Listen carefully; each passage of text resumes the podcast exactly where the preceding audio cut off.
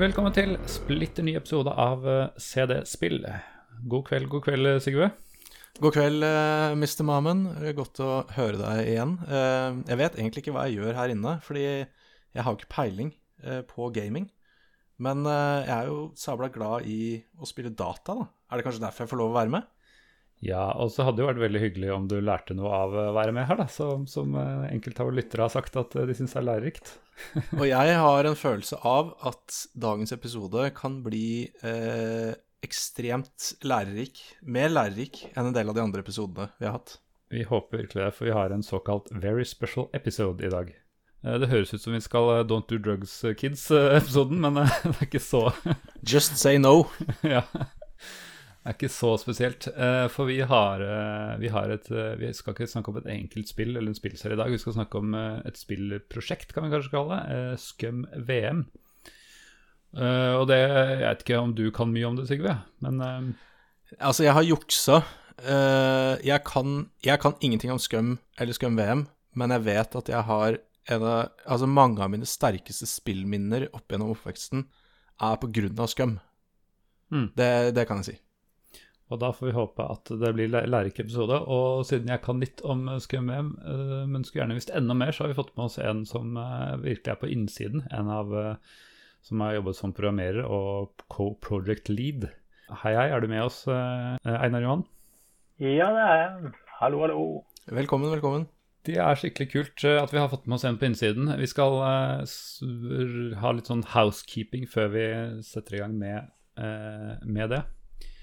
Eh, og først så måtte jeg hadde spil spilt litt i går. Et, eh, et av de mest særeste spillene vi har dek dekket der, er eh, Dr. Dragos Madcap Case. Og jeg fant ut at det har kommet en slags nyversjon som heter The Moneymakers Rally. Så for de som ble nysgjerrig på, på den, så kan man finne den på Steam. Og, Ja, den, for den er, den er sluppet. Ja, den kom rett før jul, og jeg testa den her for et par dager siden. Så det Jeg husker vi snakka jo om eh, Dr. Madcap Dr. Madcaps Dr. Drago. Dr. Dr. Dr. Dr. Capmads Dr. Drac Dr. Dragos Madcap Chase, som var Ja. et utrolig morsomt brettspill på eh, DOS-PC eh, på 90-tallet. Og så var det vanskelig å få tak i emulert versjon, og så var det snakk om at det kanskje skulle komme en ny versjon. Men nå har det altså kommet en ny versjon på Steam. På Steam, ja. En sånn, det, er jo, eh, det er jo så likt at du ser hva det er inspirert av, men akkurat litt nok endra til at du skjønner at det er en annet spill. Så det er en sånn spirituell oppfølger, kan du si. Nå skal ikke vi snakke om eh, Dr. Drago i dag, men veldig, veldig fort, Mr. Mammen. Er det, hvis man er litt fan og har gode minner, er det verdt å prøve det på Steam? Ja, det er verdt å ha det. Det er litt sånn party partyspill. Jeg spilte alene med Ice, men eh, ja, jeg ser at du kan, kan ha det litt gøy hvis du, hvis du likte det, Drago. Da skal det sjekkes ut. Bra. Ehm, vi har eh, Ja, kanskje vi bare skal eh, gjøre litt housekeeping fra sist. eh, for Ja. ja, jeg er veldig glad for at jeg delegerer disse oppgavene for deg, men vi har fått litt, uh, fått litt kjenn, vi. Jeg har en liten høne å, høne med deg i dag, Sigve. Jeg, vi er jo positivitetsbaserte. Hva, hva hva er det vi har fått kjenn for? Eller jeg, da, tydeligvis. ja, nei, altså det var noen som, eh, som på spillhistorie syntes at det var dårlig at vi ikke hadde, eh, hadde eh, Terje Høybakk skriver Fikk inntrykk av at jeg leser kommentarene her. I forrige episode så skrev jeg en lengre enn til, siden jeg spilte Dune ganske mye, men bruker ikke Ah. Facebook, og dere fikk ikke med dere. Okay. Så du har okay. liksom skippa disse kommentarene av de få, få lytterne vi har. ok. Eh, Terje Høybakk, eh, med en gang, det kan jeg bare beklage. Eh, og når jeg ser eh, tråden her og ser navnet, så har, Det er ikke en unnskyldning, men jeg har lyst til å gi Terje Høybakken en forklaring. Og grunnen til at jeg har lyst til å gi en forklaring, er fordi han skrev et så sinnssykt bra innlegg. Problemet var, Terje, at innlegget var så bra og så innholdsrikt og så langt at det ble liksom litt sånn vanskelig å lese det opp innenfor sendetiden. Så jeg tar eh, det på min kappe, eh, og så har jeg funnet fram innlegget hans her. Eh, så jeg tenker som følger For jeg har, lyst til, å jeg har lyst til å lese det første paragrafen han skriver. For det er, dette handler om Dune. Han skriver en kommentar om Dune. Og så, Erik André, kan du legge uh, link til innlegget hans i notes på denne episoden, fordi dette er et leseverdig innlegg. Han har utrolig mye kompetanse og har ganske mye sånne kule innspill på Dune. Så bare sjekk notes. Da gjør jeg det. Eh, Da gjør jeg det. Ter Terje skriver nemlig på spillhistorie.no eh, om Dune. Ikke vanskelig å være enig her. Om jeg skulle velge mellom å spille Dune eller Dune 2 i dag, så hadde, jeg le så hadde lett valget falt på Dune, og det var Dune vi snakka om. Så dette er jo rett straight to our hearts. Eh, jeg har hatt det i bakhodet flere ganger, i det siste faktisk. Originalen står i hylla her og venter, så dette er en OG-fan altså, av Dune. Så skal det sies at han spiller seg litt ut på sidelinjen, i hvert fall i vår podkast, for han avslutter med setningen 'til Amiga', så klart. ja.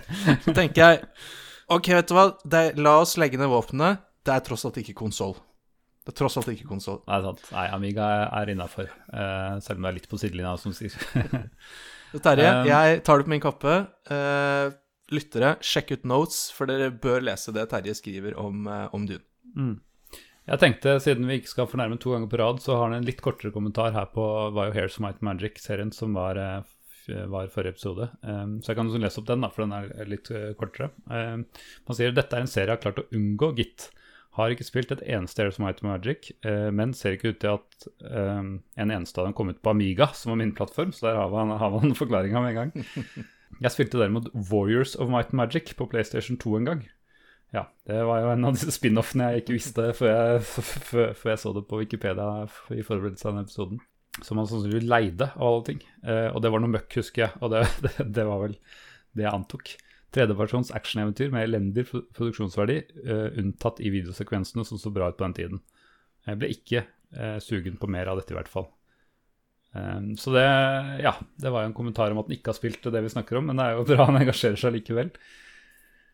Um, og så tar jeg en andre på spillhistorie. Det var uh, Kim som skriver Søstera mi er enig i at dette er tidenes beste spill. Serien sp- har 123 timer spilt på GOG nå, som er 120 timer mer enn det nest mest spilte spillet. så han selv syns ikke det er det aller beste, men det er et fantastisk spill likevel. Så det er gøy. Eh, kan du sjekke du kan ha, eh, Om det kommer noe på Facebook, så kan jo du sjekke det. Eh, kanskje du skal høre først med, med gjesten vår. Har du spilt eh, Heroes Might Magic-serien? Har eh, spilt en del Heroes Might Might Magic 3. eh, aldri én eller to. Selv om jeg selvsagt eier dem på GOG. Uh, Ja. Som alle de andre 48-versjonene ikke har hatt tid til å spille. Ja. Det var vel det, var vel det vi landa litt på i episoden også. At vi hadde jo i hvert fall to gjester som var uh, brennende engasjerte, for, for så vidt både én og to. Men, Mm. men sånn etter hvert som episoden gikk, så landa vi vel alle sammen på at spill treeren. Det er treeren som er liksom the peak. The peak Mm. of den type gaming, da. Så, eh, så det er vel Da har du valgt eh, rett spill i serien, da. eh, Mm. Kan det virke som. Den har òg en HD-remaster som uh, mener jeg husker jeg plukka opp for ikke så lenge siden. Så, ja, det er ikke så lenge siden jeg har tatt det. Here's. Might Magic 3, da. HD. Så har vi, vi har fått noen tilbakemeldinger på episoden på Facebook eh, også. Eh, eller riktignok på spillhistorie.no sin Facebook-side, men vi er jo bros. Vi Ja. henger sammen. Så eh, det er veldig koselig at folk eh, leser spillhistorie, og så er det veldig koselig at folk lytter på vår podkast. Eh, vi har fått inn noen kommentarer på Eh, Vemund Mellevold melder at ja, finnes ikke noe bedre spill. Og det høres jo vel ut som det vi konkluderte med, egentlig, etter uh, Heroes of Might Magic-episoden.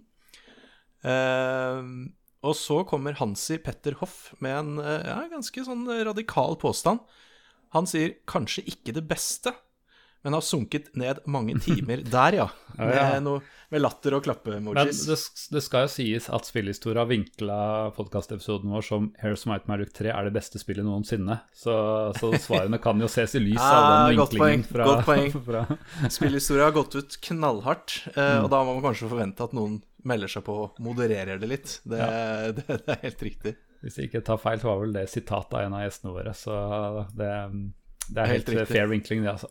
Eh, og så har vi på vår egen eh, Facebook-side, CD-spill, eh, fått en kommentar fra Trond Sneås Skauge. Han eh, skriver at eh, de fikk med strategi Ja, skal vi se her, ja. Det er litt dialekt her. Er det, dette er, det et kritikk av oss? Dette er faktisk Det er mer skjenn. Ja, Skal vi, se hva, skal, vi se hva, skal vi se hva Trond Sneås Skauge skriver? Eh, dere fikk med strategi for helt 1 og 2, men glemte nummer 3 og 4. Eh, pendleren er fin å kjøpe i uke 2. Eh, Denne har som oppgave å springe frem og tilbake med tropper til nummer én. Nummer fire kommer litt ut i spillet. Denne kan brukes til å stæsje alle de trege monstra eh, etter hvert som man opparbeider seg de. Ellers en flott episode. Husker også musikken, som lå i MP3-form på CD-plata, så denne kunne du kopiere og spille i Winamp når du ville. Nice. Nå, der, der, nå fikk jeg et lite sånn stikk i nostalgien. Uh, og han melder til slutt at Tower var nok favoritten her i gården. Så eh, et lite øyeblikksbilde fra gamle dager der, fra Trond Sneås Skauge. Takk skal du ha. Ikke verst.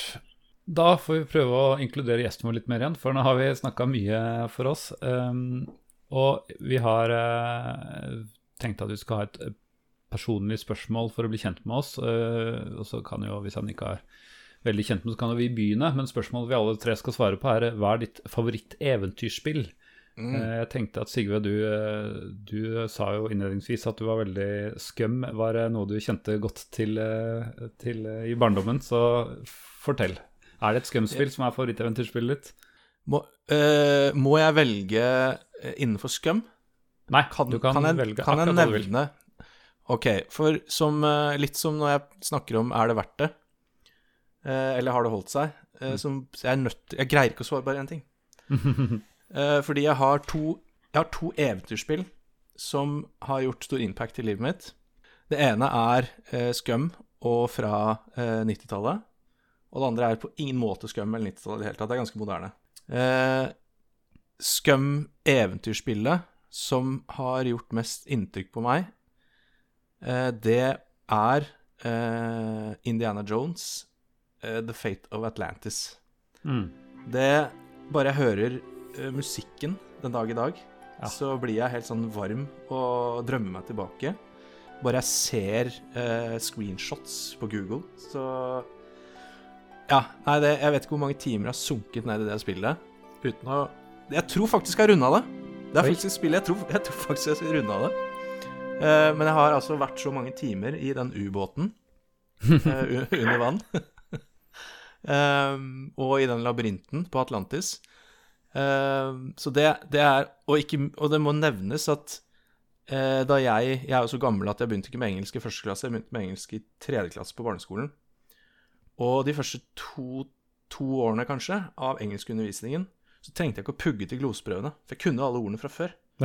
Og det er på grunn av Indiana Jones and The Fate of Atlantis. Fordi jeg, jeg kunne jo engelsk. Uh, for jeg hadde ikke noe valg. Jeg måtte jo få til dette spillet. Det Men jeg- Jeg kan ikke slippe det spørsmålet uten å nevne det som den dag i dag er mitt absolutte favoritt Jeg kaller det eventyrspill. Det er kanskje litt vågalt eller snevert. Ok. Subnautica. Ja, Jeg- er jeg velger-. Jeg velger å kalle det et eventyrspill, selv om det er så mye mer. Eh, ja, Subnautica er uh, Jeg tror det er en av de beste spillene jeg har spilt i hele mitt liv. Og Mm, de ja. har et eventyraspekt, så jeg velger å, å plugge det. Definitivt et historiedrevet spill, da, det kan vi i hvert fall eh, Ja, kalle det. Så takk. kan man diskutere om det er riktig å kalle det eventyrspill eh, en annen gang. Uh, ja, skal jeg komme med mitt uh, favoritteventyrspill? da? Jeg har vel egentlig, vi har vel egentlig dekket det i en av de første episodene, fi- fire-fem. Eh, Loom er min eh, soleklare favoritt. Uh, sånn selvfølgelig mye nostalgi og sånn, men den, den, ja, den traff meg veldig godt da jeg spilte første gang, og den har fulgt med meg siden. Så jeg syns det er et veldig, veldig godt eksempel på, på et av de klassiske eventyrspillene. Hvis vi skal nevne noe vi ikke har snakka om ennå, så tror jeg jeg spoler litt til slutten av 90-tallet og til eh, det norske, norske Funcom-spillet 'Den lengste reisen'. Det, det gjorde også mye stort inntrykk på meg når jeg spilte faktisk ikke engang når det var nytt, flere år etterpå. Eh, Så den også er eh, Det er en eh, ja, veldig god favoritt og god kandidat på min liste også. Men nå er jeg veldig spent på om eh, vår, vår gjest eh, Einar Johan har, eh, har noen eh, favoritter som, eh, eh, som du klarer å plukke ut. Um, ja. uh, det, er, det er jo alltid vanskelig å bestemme seg for bare én eh, Ja. sånn situasjon. Ehm, det er liksom verdt å nevne sånn som Sam Max, eh, Monkey Mm. Island, men eh, Ja. Og for den del Den lengste reisen. Eh, men Zack McCracken and The Alien Mindbenders var muligens det første store Klassiker. eventyrspillet for min del. Mm, Jeg la ganske mange timer ned i det som elleveåring eller noe sånt, så hadde liksom ikke de beste engelskkunnskapene der heller, men eh, ble veldig veldig fascinert av den derre pulp-univers-greia der, hvor mm. du basically er i et univers som er sånne uh, ja konspirasjonsnyhetsbaserte Ja. ting, aliens og alt sånt. Veldig fascinerende. Veldig tidlig eh, eventyrspill.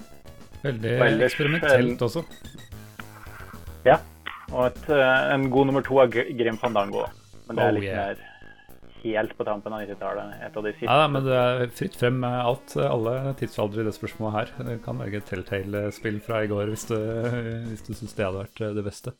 Men eh, da er det kanskje på tide å gå over til eh, dagens uh, hovedtema. uh, og det er altså Scum VM. Uh, og det er jo Vi har vel nevnt det i forbifarten mange ganger i episoder at jeg har spilt i Scum VM, eller jeg har spilt jeg har opplevd det der og der, men jeg har aldri sagt hva det er. Det er bare liksom forventa at folk har et visst forhold til det. Men ja, først og fremst er jo en forkortelse. Um, Scum er altså, som Sigvald Rødland har nevnt flere ganger her, det er altså spillmotoren som ble originalt utvikla til Maniac Mansion av Lucas Film Games, som på den tiden. Uh, og Scum VM er jo da en uh, Ja, det står for Virtual Machine, så det er en uh, gjenskapning av uh, spillmotoren til originalt Party Scum, men etter hvert uh, titalls andre spillmotorer som er inne i dette prosjektet, slik at du kan spille gamle, gamle spill på moderne hardware. Hørtes det sånn noenlunde riktig ut? eh? Det er elevator pitchen, uh, røftlig, ja. Ja. Eh, ok, dette er jo et eh, veldig sånn eh, anvendelig produkt hvis man skal spille disse gamle spillene i dag, da. Eh, som, eh, det er jo da først og fremst eventyrspill som det har fokusert på. Eh, kan gå litt inn på hva det dekker etter hvert. Men eh, vet du litt om veien eh, Altså nå tror jeg det, det støtter bortimot 300 spill, altså i hvert fall godt over 200. Eh, hvordan har det kommet fra, fra bare et Scum-prosjekt til der det er i dag? Kjenner du litt til historikken her? Um, historikken er Den er uh, for så vidt lang, for det er jo et prosjekt som har holdt på i godt over 10-15 år. Nå husker jeg ikke nøyaktig hvor lenge, men uh, den har sitt opphav fra uh, to uh, menn, uh, en Vincent Ham og Ludvig Strigeus, som Mm. ville spille Monkey Island 2. Og satt sin, på hvert sitt sted og prøvde å reimplementere Monkey Island 2 for å få det til å fungere.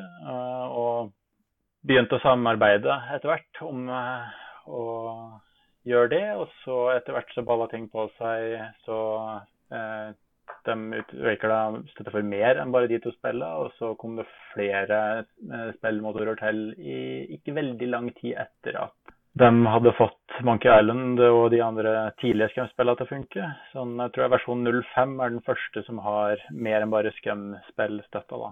Eh, Ja. Og der har liksom ballen rulla. Var ikke det Benisa Steelsky Steel Sky som var det første ikke-Scum-spillet? Eller var i hvert fall ganske tidlig, var tidlig ute, i hvert fall. Det eller Simon the Sorcerer. Eh, Ja, det er også en Litt klassiker. usikker på hvilken. Jeg tror, tror det var Simon the Sorcerer som var først, men begge er i samme versjon. Så Ja. eh, Ja, nettopp. Fordi at uh, Benisa Steelsky, de, de eh, utviklerne der, de ga bort De donerte bort hele kildekoden og alt mulig uh, til uh, Jeg vet ikke om det var direkte til Scum VM-teamet, men i hvert fall at de ga det open source, da, som gjorde det mye lettere å implementere det, mener jeg å huske. Det stemmer. Eh, De, eh, Revolution Software eh, har delte Benita Steel Sky-kildekoden med ScumVM for å hjelpe oss med å reimplementere støtte for det, etter at vi hadde spurt pent om å få tilgang. Mm. Og etter det så har vi fått tilgang til stort sett veldig mange flere av titler, veldig mange flere av titlene i katalogen deres. Og de er ikke den eneste spillutvikleren som har gjort det. Vi gjorde en kjapp gjennomgang med noen andre i teamet rett før opptak nå. Jeg tror vi har over 20 motorer som er eh, spillmotorer som er basert wow. på kildekode vi har fått fra utviklere. Ha. Hva er motivasjonen for utviklerne å gi bort kildekoden? Jeg vet noe om det? Eller det varierer kanskje, men uh, Det finnes gode, gode, grunner til å dele den. Annet så kan det reaktualisere spillet. Du kan relansere det på GOG. Uh, hvis du får fiksa liksom, de verste kantene for å få det til å fungere, så er det plutselig aktuelt å lansere det på GOG. Mm. Som har skjedd med f.eks. Blade Runner ganske nylig. Ja. Og ellers så er det jo kanskje litt det å ha lyst til at spillet ditt får et nytt altså Bare det å At det skal være tilgjengelig for neste generasjon mm. Kan være en faktor. Men det å faktisk gjøre det mulig å gjøre det tilgjengelig igjen, som du som en bonus kan tjene noen kroner igjen på, er jo gjerne en god faktor. Jeg tror jeg leste at eh, Revolution Software hadde Altså på det tidspunktet så var det umulig å spille det, fordi det hadde lenge siden DOS-æraen var over, og Windows 95 og 98 og XP og sånn var ikke så veldig god DOS-støtte, og det var lenge før DOS-boks kom, så da var det egentlig den eneste måten å, å få det, var det at noen, noen kikka rundt på kildekoden og, og prøvde å få den kompatibel. Så mm, det er jo litt annerledes i dag, men jeg vil jo tro at det er mange måter å som du sier, gjøre det aktuelt igjen, da, som er motivasjonen for mange av disse. Ja, og så har du altså DOS har du DOS-boks til i dag, men eh, spesielt den tidlige Windows-æraen er hakket verre. Eh, gjerne tidlig Windows 95 er nesten umulig i enkelte tilfeller å få til å fungere. Der har du ikke mm. DOS-boks å lene deg på i like stor grad, f.eks. Vi merka det i, ja, som vi nevnte i stad, med den Dr. Dragos Madcap Case. Det var et Windows 3-spill, og nå kjører jo Windows 3 i eh, DOS-boks hvis man virkelig, virkelig, vil, da. Men det, det har også en litt sånn lost eh, 16-bit Windows. Det er ganske lost æra. Så, og det er nok rett i det at 95-98 også har ikke verdens beste kompatibilitet i, med dagens moderne maskiner. Jeg har jo skjønt at uh, altså Scum er jo et, uh, si, et, et, et, rammeverk som man kan bygge eventyrspill inni. Uh, har dere da sett sett på koden i Scum og så liksom nærmest kopiert det? Eller, eller må dere bygge Scum VM da fra bånn av? Hvordan har dere gjort den overgangen fra et rammeverk fra nesten, nesten fra 80-tallet, eller jo, fra, faktisk fra 80-tallet, til nå 2000-tallet? Du kan si uh, det, det, er viktig å nevne at uh, Scum er bare én av opptil flere spillmotorer i Scum VM. Uh, det er en veldig vanlig misforståelse. Det er bare den første spillmotoren som er støtta.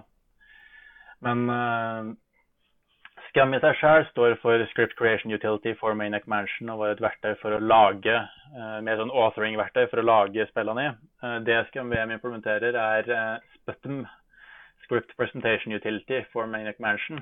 Uh, de var veldig glad i litt sånn morsomme navn. Flegm, Bile, Insane var Lucasfilm sine verktøynavn. Insane er komprimeringsformatet deres. Uansett, eh, poenget var at Sputum er den delen som presenterer. Du kan tenke på det som flashplayer, f.eks. Um, ehm, og den er reimplementert i Scrum VM som en av spillmotorene der, og tar seg av å lese spilldataen og håndtere um, skript og grafikk og animasjoner og alt sånt. Og for å da klare å reimplementere den, så har uh, vi sett på disassembly av de binærfilene som fulgte med de originale spillmotorene. Uh, og så reimplementert, altså funnet ut hvordan de originale EXT-filene har fungert, og reimplementert det i noe som fungerer akkurat like. Gjerne fiksa noen bugs på veien og sånt. Mm. Mm. Det er en lang og tidkrevende prosess. Ja, det, det tror jeg på. For uh, det er jo uh, ja, over 20 spillmåter. Sånn jeg liksom ser Jeg prøvde å finne på en god, sånn lett analogi på det her. Uh, og da tenkte jeg at script, ja, scripting er jo for et kjent ting i, i, Norge, men altså, det kan være et manuskript. da, At liksom det man beholder fra originalspill, det er manuskriptet, og så er liksom skum Altså det er liksom teaterscenen, da. Så, så gir du manuskriptet til så har du ny teater. Jeg skrev med meg et litt forbedra teater med bedre lyssetting og bedre akustikk, kanskje. Og så beholder du da, får du spilt det samme spillet fordi du har det samme manuskriptet, da? Er det, er det banalt nok til at det blir sånn nesten, eh, nesten forståelig og sånn noenlunde riktig? Det er én måte å se på det, ja. ja. det var en snill måte å si det på. du kan kanskje se på det som en uh, ny videospiller, eller altså, ny VHS-maskin. da. Ja. For det er ikke målet å, endre, å, å liksom fikse spillet, det er målet å få spillet eh, på moderne eh, hardware. Det er liksom det som er eh, rekkevidden av prosjektet, eller? Eh, ja, eh, med noen niceties her og der når det lar seg gjøre. eh, sånn som litt sånn filtrering på grafikk som du kan velge for skalering, i og med at vi har 1080p-skjermer i dag i stedet for 320, eller hva det var. Ja, takk og lov. Og eh, litt støtte for diverse lydformater, som f.eks. muligheten til å spille Amiga-lyd på DOS-versjonen i enkelte spill, eller vice versa, eh, hvis det, det datafilene inneholdt begge to. Men stort sett er greia litt sånn preservation. Du vil la det fungere på eh, alt mulig rart eh, av moderne og ikke fullt så moderne maskiner. Eh, så det er hovedintensjonen. Men spilldataen endres ikke i nevneverdig grad, bortsett ifra når vi prøver å fikse bugs i det originale spillet. Men hvis jeg, hvis jeg har lyst til å spille uh, f.eks. Indiana Jones, Fate of Atlantis, uh, må, jeg ha, må jeg da ha en ny Må jeg ha en hva skal jeg si, en Scum VM-kompatibel exe-fil? Eller kan jeg snike meg rundt på det mørke internettet og finne en, eh, en abandonware-versjon fra 90-tallet? Og, og, eller, eller er det en pakke, er det en executable pakke? Altså hvordan, hvordan fungerer eksekveringen her? Um, nå er ikke vi videre fans av uh, abandonware eller uh, piratkopiering uh, hos oss. Vi har en rule zero. No abandonware, no piracy. Uh, spesielt fordi vi gjør en ganske hard skille på at ok, vi bytter ut, programmet vårt bytter ut EXE-filer, men du må fortsatt ha spilldataen. Mm. Så det er liksom et veldig viktig skille at du eier spillet. Mm. Vi, vi driver ikke med piratkopiering på noe vis der. Mm. Men det du trenger da, for å svare på spørsmålet ditt, uh, Ja. er uh, i grunnlaget en original kopi av Indiana Jones and the Fate of Atlantis i en eller annen form. Så hvis du har CD-en, så kan du uh, kopiere filene fra den i en mappe, og så starte opp ScumVM og trykke på Add Game og peker den på mappa, Mm. og da vil den finne ut at der ligger det Fate of Atlantis, kan du trykke play. For det mener jeg er jo skikkelig, skikkelig kult bare i seg selv. At jeg som en gammel, gammel mann kan gå i spillhylla eh, nede i kjelleren hos mor og far og finne fram Indiana Jones Fate of Atlantis, og faktisk bruke de executable-filene fra 90-tallet og adde de inn i programvare fra eh, 2000-tallet, og så bare kan du bare spille det. Det syns jeg det er skikkelig, skikkelig kult. Ja, og eh, bare for å nevne det, så er det da også sånn at hvis du da hadde hatt Amiga-versjonen av Fate of Atlantis, eh, og hadde klart å få de diskettene kopiert over til PC, så kunne du spilt den i ScumVM på PC. Så Mm. du kan krysse de versjonene på tvers og spille Mac-versjonen på PC og PC-versjonen på Mac og Amiga-versjonen på Kult. PC. Jeg tror til og med en som jobber med en implementasjon av ScumVM for original Amiga. Mm. Så du kan kjøre PC-versjonen av Fate of Atlantis på en gammel Amiga. Kult. Det er skikkelig kult, og det, det er liksom en av de spørsmålene folk eh, som kanskje ikke har Folk som har så mye kunnskap her, hvorfor ikke Hva er forskjellen på DOS-boks? Fordi at eh, man kan jo spille Peter of Atlantis i DOS-boks også i dag. Men eh, det, der var du jo inne på det med en gang at uh, Scum VM støtter jo ikke bare DOS-versjonen av disse, det er Amiga-versjonene og til og med FM Towns-versjonene av spill, som vi spilte av har nevnt tidligere. Og det er ganske kult. Det er ikke så mange andre steder du får spilt FM Towns-spill i Jeg ønsker meg en FM Towns stasjonær i bursdagsgave. Det eh, som Stack McCracken-fan så er Femtowns faktisk uh, ekstra gøy, fordi det har uh, til Femtowns så ble det lansert en 256-fargers versjon av Stack McCracken. Mm. Ikke bare EGA, men VGA. Og den har vært mer eller mindre utilgjengelig fram til uh, for uh, en del en, Ja, nå begynner det å bli en del år siden, men GOG kunne lansere den uh, versjonen kjørende på Scum VM. Oi. Fordi FM Towns er jo en maskin du måtte ha bodd i Japan på 80-tallet for å få tak på omtrent. Men det var plutselig det mulig for Disney LucasArts å pushe den gjennom GOG i Scum VM. Det er jo stilig at du kunne få en lovlig eh, og en versjon som har mer farger og mer eh, helt unik fra det som har vært tilgjengelig i Vesten i, i ever, på en måte. Jeg tror en, en, en bruktkopien av det spillet gikk for et par tusen Jeg lurer på om det var dollar jeg. Wow. før lanseringa på GOG, for den var veldig veldig rare å få tak i i Vesten. Så, Stilig. det har har sine fordeler at du har mulighet til å spille andre versjoner enn den plattformen du er på. Men du var jo også inne på det der med at bare, det er ikke bare Windows eller Mac eh, som, eh, som eh, nyter godt av det her. Det er jo ja, Amiga jeg, jeg, jeg, telte sånn fort år, det var litt vanskelig å telle fordi det er så mye like versjoner. Og teller man XB som en egen versjon fra Windows, uh, nyere Windows sånn, men jeg kom til sånn ca. 23 ports som var aktive, som var en nyeste versjon, og så omtrent det dobbelte hvis du tok med sånne som ikke har blitt oppdatert på, på noen år. da.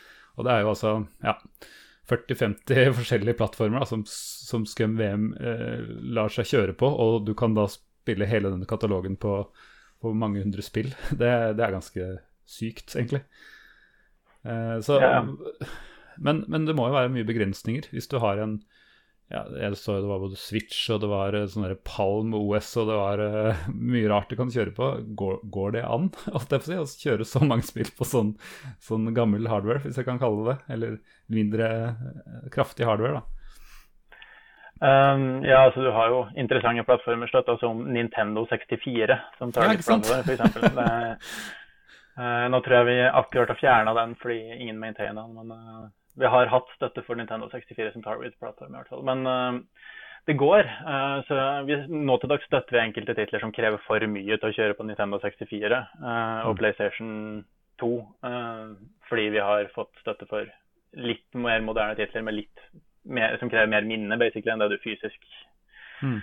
Men kodebasen har hele veien, eller lenge vært uh, designa med det for øye å prøve å være så portabel som overhodet mulig. Så eh, den er liksom delt opp sånn at du har en backend hvor folk kan eller, skrive kode som er plattformspesifikk. Eh, sånn hvordan fungerer filsystemet på Mac, hvordan fungerer det på PlayStation, mm. hvordan, fungerer, hvordan, fungerer, lyd her. Alt er isolert i ett sted i kodebasen. Så sitter hver av de mange mange spillmotorene våre og snakker gjennom eh, noen layers med det, sånn at Si da at uh, du legger til en spillemotor for Grim Fandango der, så trenger du ikke å tenke på at den skal kjøre på alle de forskjellige plattformene, fordi det er isolert et annet sted. Du snakker gjennom et felles layer uten at det spiser noe særlig Eller noe hastighet i det hele tatt å mm. snakke om. Mm. Uh, så, så, det funker jo altså, Det kan ikke spise noe mye hastighet, for det her skal funke på Nintendo DS f.eks. Hvor du ikke har tid til å kaste bort så veldig mange sykler. Ja, for det er vel også en sånn vanlig misoppfatning at uh, altså man sammenligner med DOSBox, og at uh, man tenker at det er en emulator. Uh, det er jo lett å si som ja, man spiller gamle spill, er det en emulator, da. Men det er, jo, det, er jo, ikke det. det er liksom litt vanskelig å skjønne for folk som ikke er dypt i materien, men det er ikke en emulator. Det er liksom en gjenskapning, er det, er det ikke det? Nærmere, altså, nærmere en sourceport, da, som kanskje er en term enkelte er kjent med. Eh, sånn der Doom, Da kildekoden til Doom ble lansert uh, offisielt, f.eks., så fikk du Doom-ports til symaskiner og alt mulig rart. Ja. Fordi da, når du har kildekoden tilgjengelig, så kan du kverne rundt på den til du får den til å kjøre på det meste. Mm. Så DOS-boks er jo begrensa til For det første så må du ha overheaden med å faktisk emulere en CPU og sånn hvis du skal sitte på noe annet enn PC. Uh, for det andre så er det begrensa til DOS. Mm. Mens det her blir basically en source port, bare uten at vi alltid har hatt original kildekode tilgjengelig. Kan det, kan det sammenligne Jeg har jo ikke peiling, det har jeg jo etablert gjennom uh, tre sesonger med denne. men, men, går det an for de som ikke kan så mye program Kan det, kan det sammenlignes med liksom uh, Unreal Engine, altså en spillmotor? Er det, er, eller er det noe likheter der? Ja, altså Vi reimplementerer jo en uh, haug med forskjellige spillemotorer som sådan. Ja. Uh, så ja, Scum, er, Scum eller for den del ja, SCI, da, som er en annen spillemotor vi støtter, Sierras Creative Interpreter, som brukes i King, de senere Kings Quest-spillene. Mm. Begge de spillmotorene er reimplementert hos oss. Uh, mm. Så vi jo en samling spillmotorer, men ellers så blir det likt fordi det, Unreal Engine funker på Mac, det funker på eh, Windows, det funker mm. på IOS. Mm. Men har det, den samme kodebasen for hvert spill på tvers av de plassene. Men det betyr jo at hvis, hvis noen hadde lagd et nytt spill i disse spillmotorene, altså native uten å oppgradere spillmotoren, så burde det i hvert fall i teorien funka i Scum VM. Selv om, eller hvis du, hvis du finner en bortgjemt skuff i Sierra-lokaler, så, så, finner du et nytt uh, eventyrspill som aldri har blitt utgitt, uh, som bruker akkurat de samme motorene som, som, de som kom ut samtidig, så burde det faktisk funke, da. Uh, sånn mer eller mindre ut av boksen. Det er litt kult. Men i praksis, som regel, så har Eh, I profesjonelle produksjoner så har de som regel justert litt på spillmotoren fra versjon til versjon for å legge til en eller annen feature eller effekt, eller noe sånt, så du må som regel polishe litt. da. Ja. Ja, er det, det, er vel lettere og hvis du skal Jeg ser jo listen over spill øker jo hele tiden, men det er vel lettere eh, hvis, hvis, det er en eh, spillmotor som blir brukt av veldig mange spill, å få, få støtte for dem enn en noen som bare one, one, shot, på en måte. For vel, da må du gjøre hele jobben for, uh, for ett spill, mens ellers kan du gjøre hele jobben og få nesten ti spill i samme slengen. Ja, det, det spørs på motivasjonen. Hvis det ene spillet er skikkelig awesome, så ja.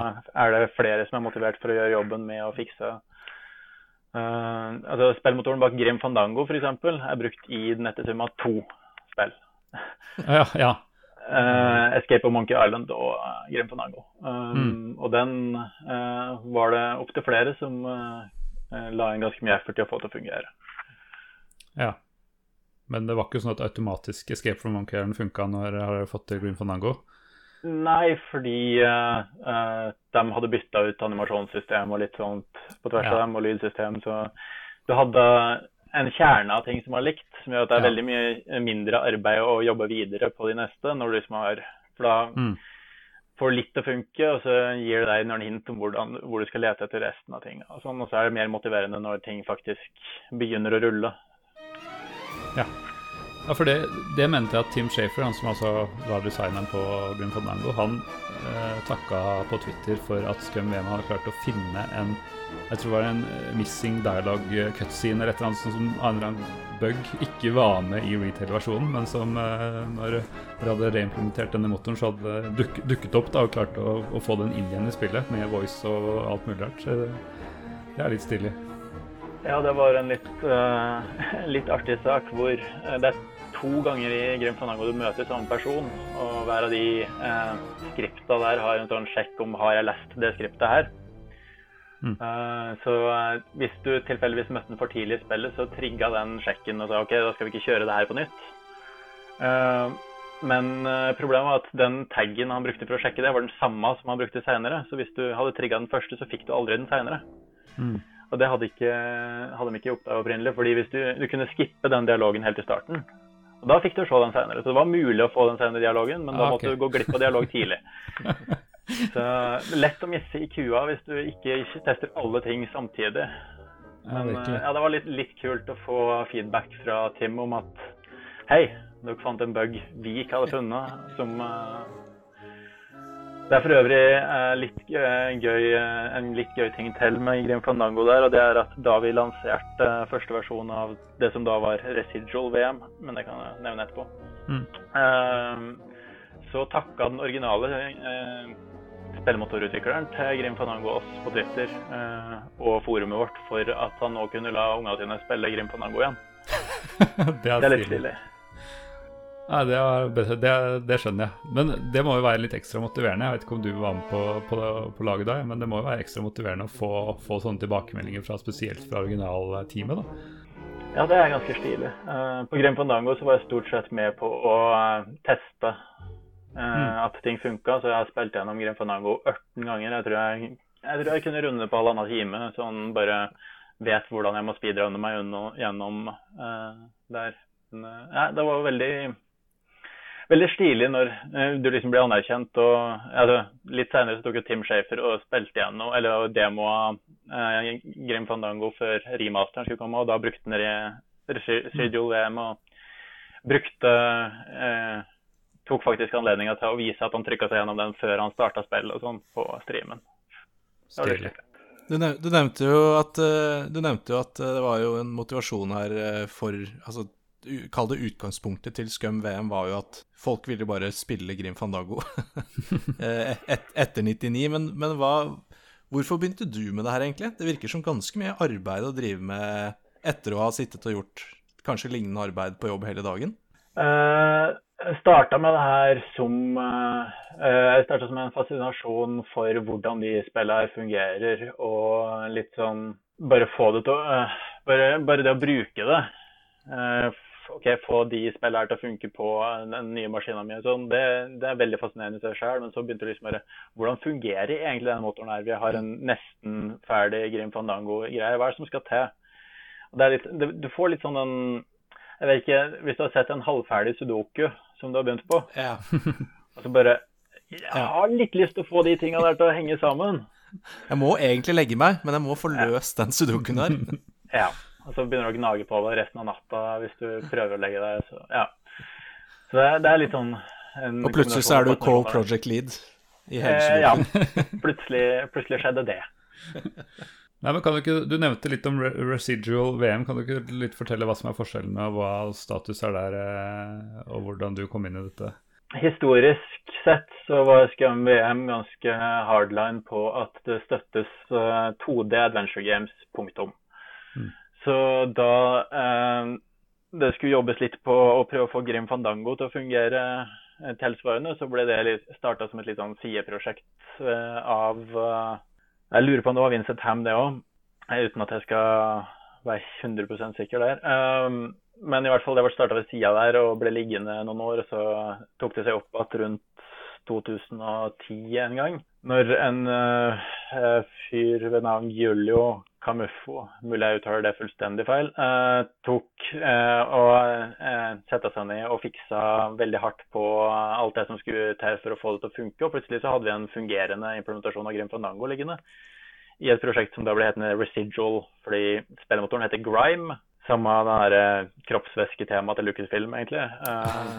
så residual er residue. Det er et synonym som ender opp med det som er igjen når, når skummet er tatt, liksom. Så den ble, den ble liksom eh, lansert som Hei, nå kan du endelig spille Grim Fandango igjen. Og da hadde vi blanda inn litt av kodebasen til SKM VM der for å få eh, det, litt av portabiliteten og litt av uh, fordelene derifra. Men fortsatt, var fortsatt to separate prosjekter. da. Og tida gikk, og det kom til et par spillmotorer til med 2,5D. Uh, Dvs. Si da 3D-grafikk oppå 2D-bakgrunner. Uh, mm. Så Myst 3 og jeg lurer på om det er den lengste reisen og mm. in Cold Blood. Jeg var ikke ferdig, men ja, i hvert fall de der ble lagt til. Eh, og så, nå i ja, rett rundt nyttår nå, så ble Scum VM og Residual VM slått sammen, sånn at Scum VM nå støtter 2,5D uh, eventyrspill. de vi da har fått fra Residual VM, som er Uh, Grim Fandango, Escape from Monkey Island, delvis Den lengste reisen, uh, Myst 3. Uh, eh, og en haug med Wintermute-spill. Uh, skal vi se Jo. Uh, I og med at jeg var en av to co-project leads på Residual VM på det tidspunktet, så ble jeg da tilbudt å bli med som co-project lead i Scrum VM etter den sammenslåinga der. da. Mm. Så det er den den kommer fra. Men er det mye jobb å være co, hva vil du si å være co-project lead? uh, altså I praksis er Scrum VM i stor grad et meritokrati. Uh, Dvs. Si, hvis du, gjør, hvis du er villig til å gjøre jobben, så får du stort sett bestemme litt òg. Mm. Det legges ganske mange arbeidstimer ned i å fikse en spillmotor der, så det er ikke noe og alt er frivillige. Så det er ikke noe sånn at nå skal du gjøre det, og du gjør det. Alle kommer jo frivillig. Men det er mer det som er uh, av ledelsesting der, er sånn når, når, vi skal lage en ny release, typ en 1, et eller annet versjon eller noe sånt, så må det organiseres. Uh, mm. Webstuff, uh, adganger på diverse tjenester og sånn. Uh, og det er, det er, en del arbeid å være leder der. Det er derfor vi er tre og prøver ikke bare å være én. Ja. For å dele litt på det. han Eugene som var en del av den forrige trioen med ledere, og så ei stund leder alene før han nå er en av tre igjen. Mm. Eh, har da måttet ha en del av det ansvaret alene før vi nå kom som to nye igjen. Da. Ja, for uh, ja, det er uh, Jeg vet ikke om du har noe mer riktig tall enn meg, men jeg bare gikk inn på GitHub her, og det står at det er 334 contributors, altså bidragsytere. Og det, etter det jeg skjønte, så er det bare etter at altså Prosjektet er jo eldre enn GitHub, så, så det betyr at det sikkert er mange før, før, før det flytta over dit også. Så ganske mange hundre utviklere som har hjulpet til med større eller mindre oppgaver på prosjektet. Det er ganske imponerende at et prosjekt klarer å samle så mye utviklere på frivillig basis. Ja, det er uhorvelig mange arbeidstimer som er lagt ned i det der. Et, bare et lite knippe av dem er betalt.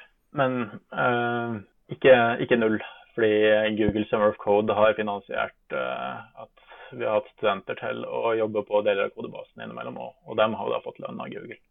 Ja, er det det, det, gir et boost da, når du får noen studenter til å, til å sette seg inn i det, eller blir det så overveldende Det høres så overveldende ut å komme inn i dette som student og i et sånt gigantprosjekt som det sikkert har blitt?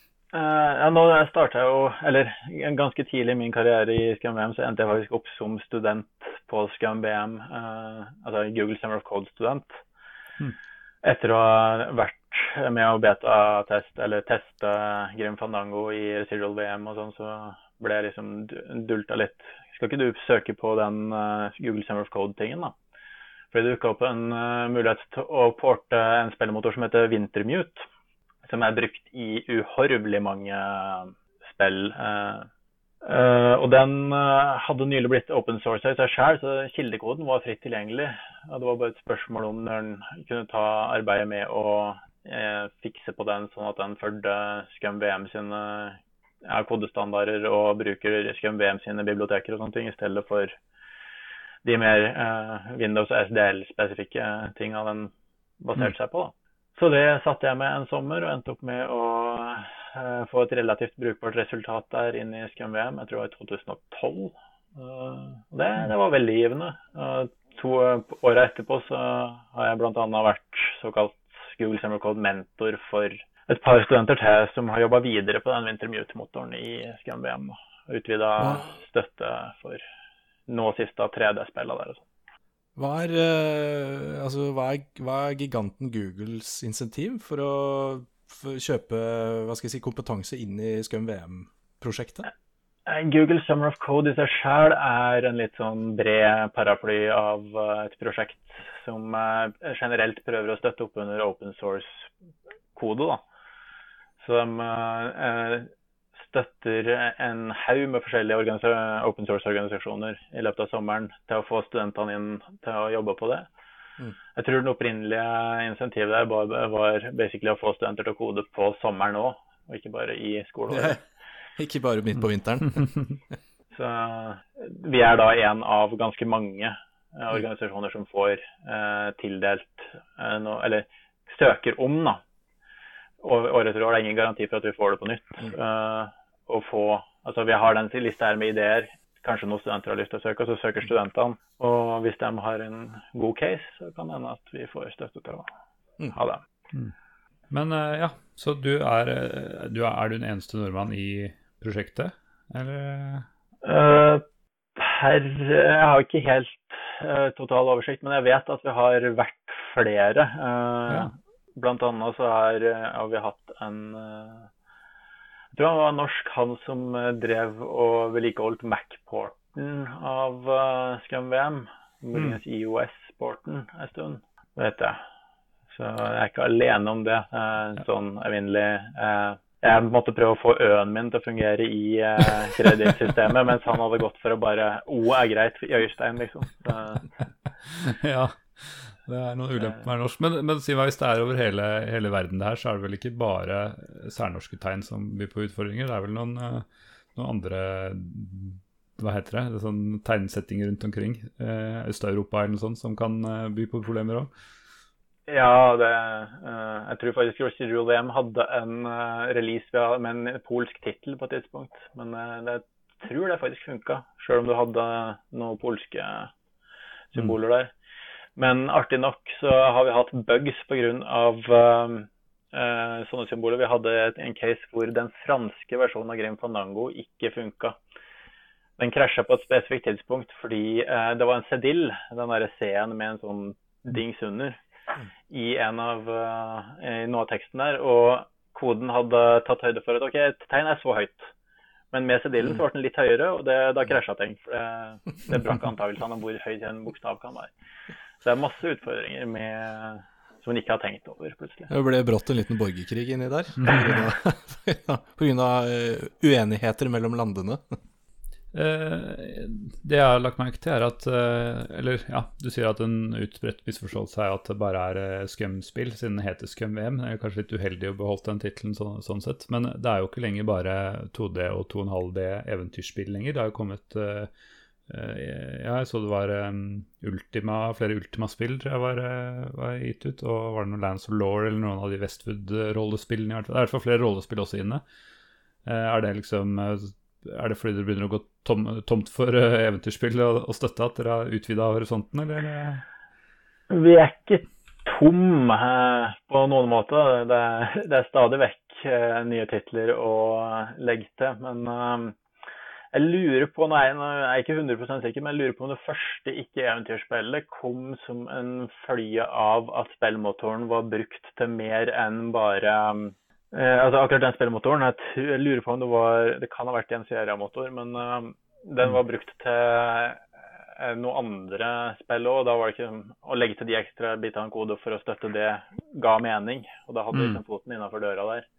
Så kom liksom Quest for Glory og sånne titler på toppen ja. av det. da. Ja, for jeg ser nå at uh, ja, Little Big Adventure er en av som er på trappene nå. Jeg vet ikke om den er en offisiell release ennå, men at den i hvert fall står på utviklingsbloggen at det er uh, er på vei inn. Det hadde vel kanskje vært residual hvis det hadde bestått, for det er jo en definitivt et 3D-aspekt ved det.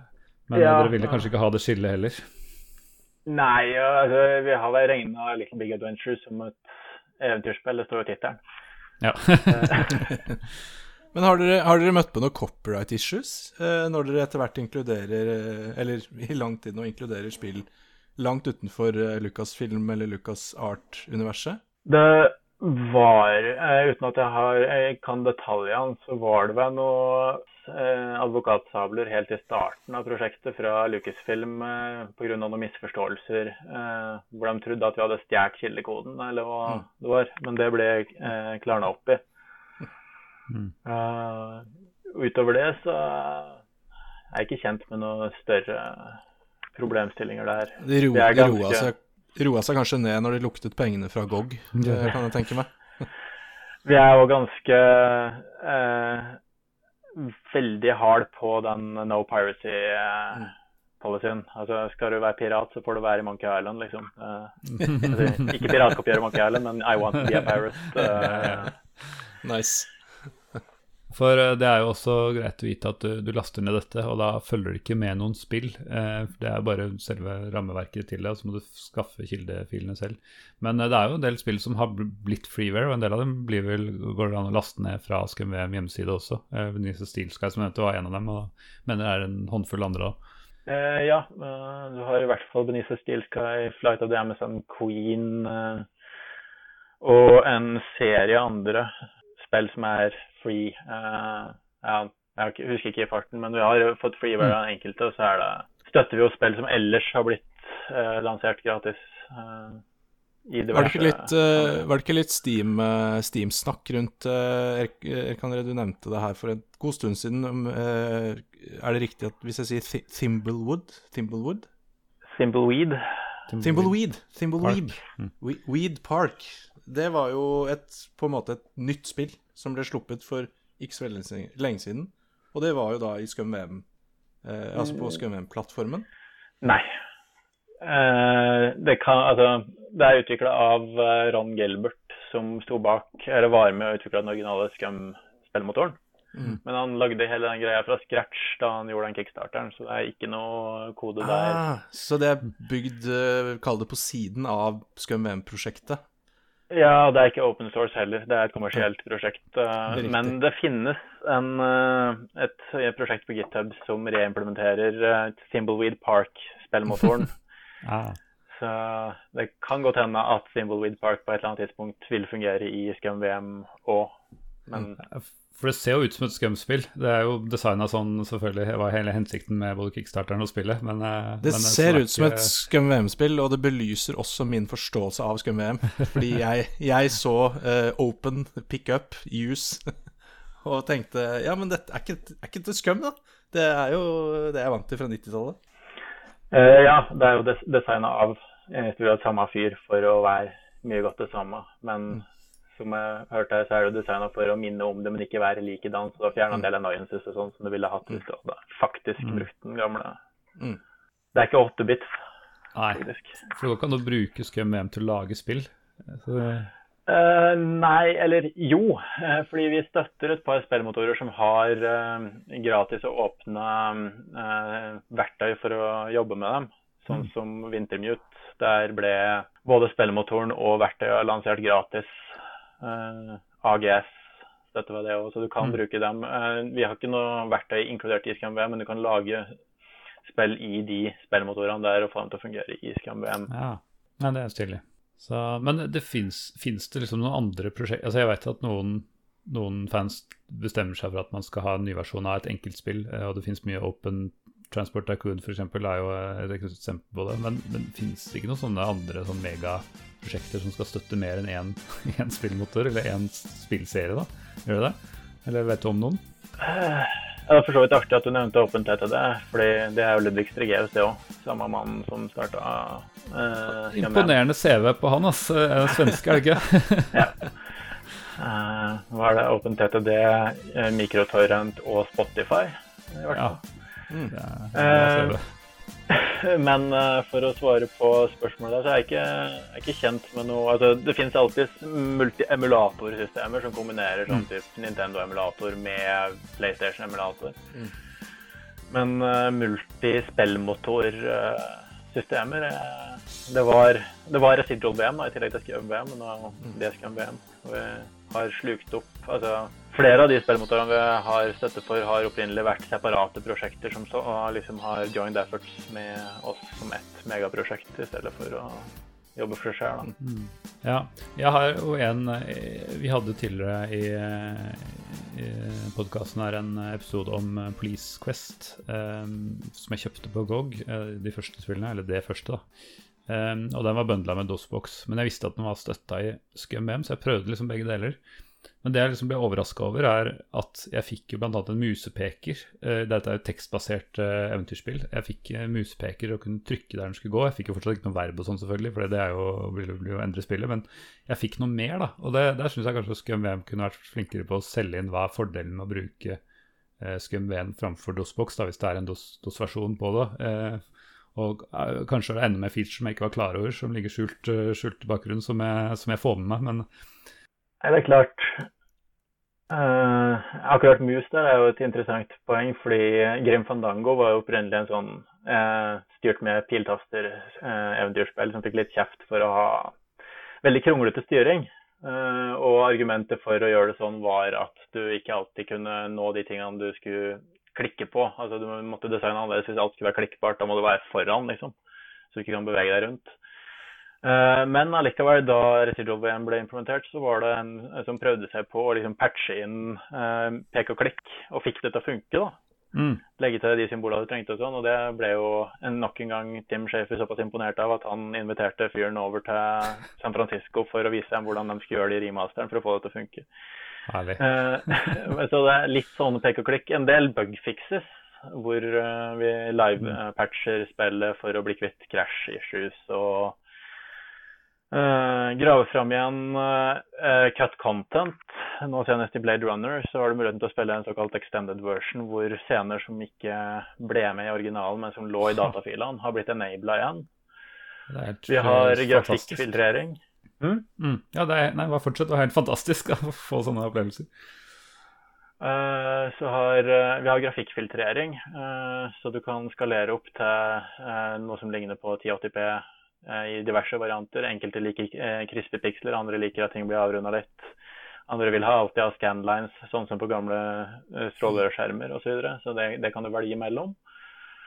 Eh, støtte for diverse lydformater, så der spillene er inkludert type Amiga-lyden eller PC-lyden, eller for den del MT32, som liksom er den ultimate medieopplevelsen for de- midten av 80-tallet, så har du støtte for å emulere det hvis du skulle ha en eh, MT32 i skapet, eller så, uh, Hva mer? Jo, uh, save games. Eh, mye bredere støtte for eh, flere save games på flere tidspunkt mm. i eh, spillet. Eh, og eh, jeg lurer på om vi har cloud-sync av saves og vi, via Dropbox hvis du vil spille på telefonen. Ja, så kan du da spille spillet på telefonen på trikken. Det er jo en feature som du Hmm. Police Quest på trikken er kanskje, er kanskje litt kronglete å skrive på. Men, det, er, det er mulig, da. I hvert fall. Ja, ja. Ja. for akkurat den, den salgsplakaten på det, eller den å ha hatt liksom en, en liste over at uh, dette er fordelen med å bruke Scum VM, ja, det hadde jo vært uh, nyttig. Uh, for ja, jeg oppdaga det helt tilfeldig, men Så slipper du hele den der setup EX, juster alskens eh, IRQ-adresser og stuff for å få det spillet her til å fungere. ja, det er det viktigste. Har du noen flere spørsmål? Sigurd? Jeg tenker vi ser litt på klokka her, at vi snart må runde av. Jeg, jeg er litt sånn Jeg blir bare sittende og lytte og lytte og lytte, fordi jeg kan ikke så mye av det som blir sagt, men jeg syns det er utrolig spennende å bare absorbere og høre om eh, det underliggende da, i eh, så mange spill som jeg har hatt så mye glede av.